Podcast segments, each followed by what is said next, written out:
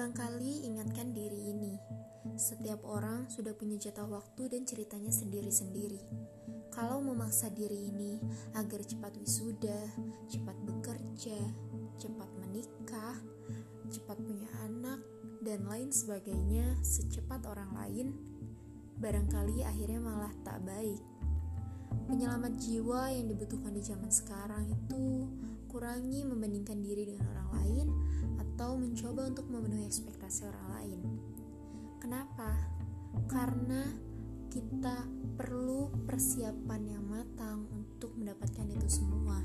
Sedangkan jika kita hanya ingin memenuhi ekspektasi orang lain, ingat, ekspektasi orang lain itu tidak akan pernah berhenti. Ekspektasi kita terhadap diri kita aja tidak akan pernah berhenti, apalagi tentang orang lain terhadap diri ini.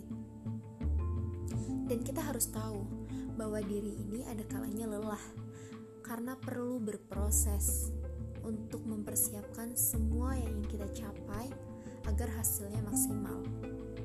Kalau diibaratkan kita ulangan di sekolah, tanpa proses belajar, apa yang akan kita isi dalam lembar jawaban?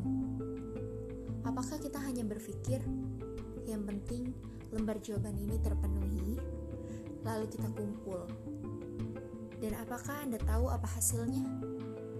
Hasilnya adalah hasil yang tidak akan pernah kita harapkan mungkin. Ya, hasilnya sangat buruk dan tidak maksimal. Itulah sebabnya kita perlu untuk mempersiapkan segala hal dengan matang. Karena hasil yang kita inginkan adalah hasil yang terbaik dari persiapan yang sudah kita lakukan. Bukankah hasil yang kita inginkan adalah hasil yang sama? Hasil yang maksimal. Untuk hari ini, di episode ini, aku hanya ingin mengingatkan bahwa selamanya kita tidak akan pernah bisa menghapuskan ekspektasi orang lain terhadap kita. Tapi satu, kita bisa mempersiapkan itu semua tanpa harus memperdulikan ekspektasi mereka. Karena orang lain hanya menginginkan hasil, bukan menginginkan prosesnya. Terima kasih sudah mendengarkan. Sampai jumpa di podcast selanjutnya. Dah.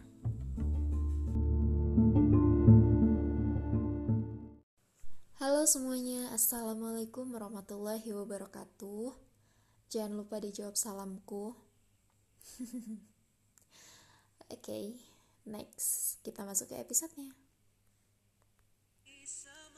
Tiada yang lebih indah dibandingkan dengan dua raga yang saling menjaga, tidak bertemu tapi saling menunggu, tidak berpapasan tapi saling memantaskan.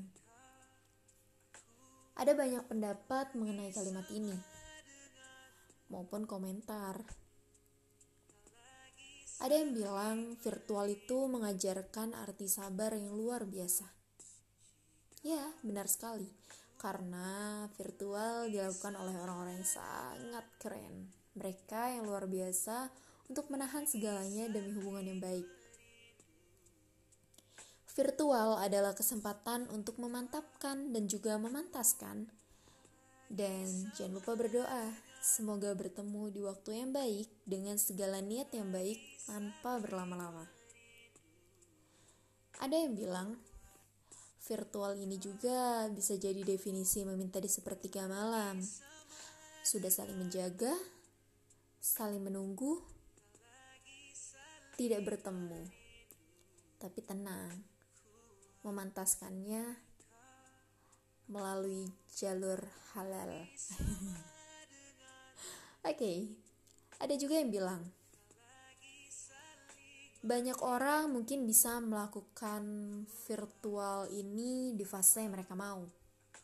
Banyak juga mereka yang melakukan ini akhirnya gagal.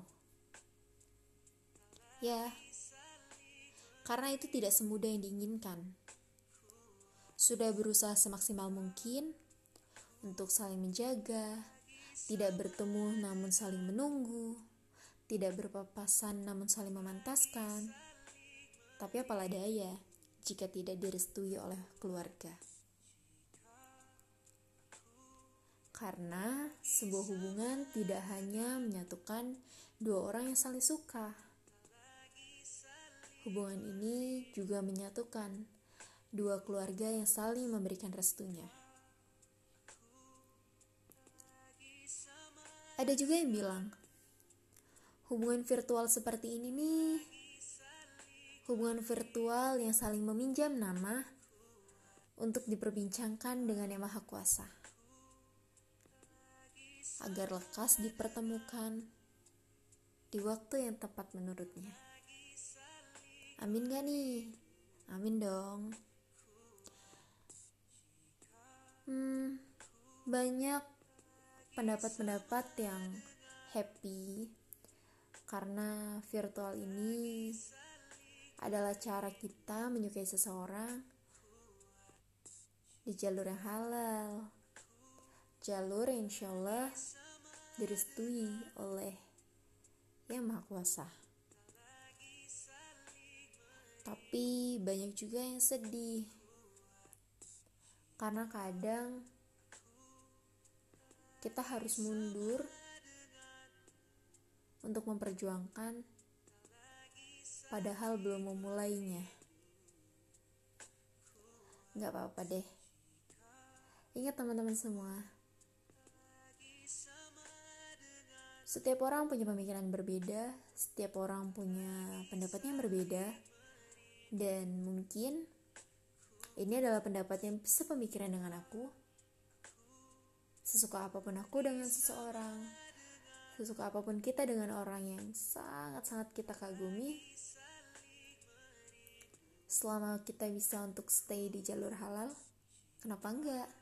Ya kan? Terima kasih untuk teman-teman yang sudah mendengarkan. Sampai bertemu di next episode. Bye bye. Assalamualaikum warahmatullahi wabarakatuh.